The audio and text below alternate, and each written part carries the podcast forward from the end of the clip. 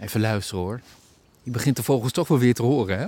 Ja, er zitten hier, uh, we staan dus hier nou midden in de Bekkendellen. En het is toch wel echt wel een vogelrijk gebied. Die, uh, die zitten hier graag. Ja, de bek is aan het stromen, de beek is aan het stromen. Hoe heet deze beek, weet je dat? Uh, dit is de Slinger. De Slinger. Dat is, een, ja, dat is echt een, een redelijk bekende beek wel. Ja, want deze, ja. deze loopt gewoon verder, komt uit Duitsland en loopt verder richting Aalten en uh, gaat dan richting Doetinchem. Maar uh, dit is het begin hiervan. En op dit moment heeft het net geregend. Dan zie je, dan is het een uh, best wel indrukwekkende stroom. Maar als je ziet dat het dan weer een paar weken niet geregend heeft, dan is het nog een heel klein kabbelend beekje. Ja, dan droogt het weer op de stroom. Ja. Mooi trouwens, we staan eigenlijk schop tegen een paaltje aan om het te laten horen. We staan midden in het nieuws, weet je dat? Want uh, dit is ineens afgerasterd met, met, met palen enzovoort om ons maar binnen die paden te houden. Ik weet, mensen waren hier afgelopen week boos over. Kregen we ook een mail over bij Buitengewoon. Ze zeggen zo lelijk. Maar het heeft een functie waarschijnlijk. Ja, nou, deze omheining is hier neergezet omdat, uh, ook doordat het eigenlijk zo'n mooi gebied is. Uh, het is een uniek moerasbos en zeker de, de, de oevers van deze beek zijn eigenlijk heel erg kwetsbaar. En wat je zeker in de drukkere zomermaanden zag, dat meer en meer mensen de beek inliepen, dat veel honden de beek ingaat. En dat verstoorde eigenlijk de natuur in het gebied. En daarom hebben ze eigenlijk gezegd, ja, er stond keurig een verzoek om netjes op de paden te blijven. Maar een gedeelte van de mensen deed dat consequent niet. En ze willen toch, omdat dit een Natura 2000 gebied is, we zijn hier in Winterswijk heel veel mee bezig. Willen dit behouden. We leggen onze agrariërs in de buurt allemaal beperkingen op. En dan is het natuurlijk wel zonde als je dan vervolgens waar je dat allemaal voor doet, vervolgens uh, niet goed genoeg beschermt. En dat er allerlei schade ontstaat dat mensen te pas en te onpas de beek in en uitklimmen. We zien die beek stromen. Prachtig gezicht vind ik het. Zeker nu er wat meer water in staat. Jij bent in dit gebied geboren en getogen. Voor jou is dit bijna dagelijkse kost, denk ik. Hoe, hoe ga jij hiermee om als je dit ziet in je hoofd? Uh, tegenwoordig kan ik er enorm van uh, genieten. Ik moet eerlijk zeggen, toen ik klein was, een jaar of 10, 12, was het altijd een hoofd gedoe als je buitenaf woonde. Alles was een end fietsen en de bos achter stuitte je gewoon op je normale fiets doorheen. Maar uh, ik heb een stukje van de wereld gezien. En als je nu gewoon dit soort bossen ziet, zeker hier, want we staan hier aan de ene kant de Hoge Wal, aan de andere kant kijk je eigenlijk het moerasbos in.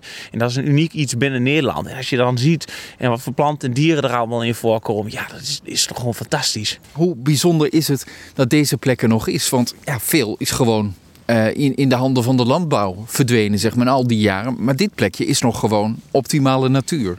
Ja, maar dat heeft natuurlijk van oudsher twee uh, redenen. Ten eerste, zoals ik al zeg, uh, het is moerasbos. Mm -hmm. Dus uh, toen de ontwikkeling hier van Winterswijk begon, dat we langzaam alles in, in landbouw begonnen te doen, was eigenlijk de grootste uitdaging van Winterswijk. Het was altijd veel te nat. Dus de afgelopen tien jaar een beetje veranderd, maar het was altijd veel te nat hier. Dus ook hier, zowel dit moerasbos als je iets verder de bos in gaat, die zitten allemaal klei in. Dit was eigenlijk grond die bijna niet bebouwen was voor die boer. Dus wat gebeurde daarmee? Bos was natuurlijk ook tot een zekere hoogte nodig, want je had hout nodig voor het onderhoud. Dus dit stuk is daarom ook altijd bebost gebleven. En toen je dus in 1900 uh, de Scholtens, de herenboeren hier in de buurt, definitief het landschap overnamen, zag je dat die ook wel heel erg zuinig bleven aan die, aan die bosgebieden. Die deden deels aan bosbeheer, maar dat was natuurlijk ook nog, vonden ze de jacht belangrijk. En dat mochten een mooie uitstraling hebben. En daardoor is dat bos hier wel behouden gebleven. Met alle unieke natuur die erbij hoort. Een uur geleden vertelde je over de reeën. Die hier veelvuldig voorkomen. Ik noemde net even het winterkoninkje. Niet heel bijzonder, maar wel een leuk vogeltje. Piepklein is die, maar maakt een boel herrie. Wat zijn andere dieren die je hier kunt tegenkomen? Uh, nou, zo heb je al de, meest bekende, of in ieder geval die veel in het nieuws geweest, het ijsvogeltje. Ik moet eerlijk zeggen, het ijsvogeltje zelf heb ik nooit gezien. De middel, middelste bonte spech, wie er tegen nog net zo goed heel zeldzaam is, die heb ik wel gezien. Die is ook wel eens bij ons in de buurt van het erf. Ik woon hier in de buurt gehad. En daar een jong aanplanter, daar kwam die ook wel eens doorheen. Uh, de grote gele kwikstaart uh, zit hier nog in de buurt. En nou goed, dan heb je het over minder zeldzame dieren. Maar je hebt hier natuurlijk ook sowieso veel vossen. de steen matter is nog vrij voorkomend, maar ook bijvoorbeeld een boommatter heb je hier in het bos zitten. Verschillende uilensoorten, verschillende roofvogels. Het is een heel gevarieerd, afwisselend gebied. Maar dat, dat blijft ook de, de kracht. Winterswijk is niet één groot natuurgebied. Nee, het is een continue afwisseling tussen agrarisch gebruik en natuurgebruik.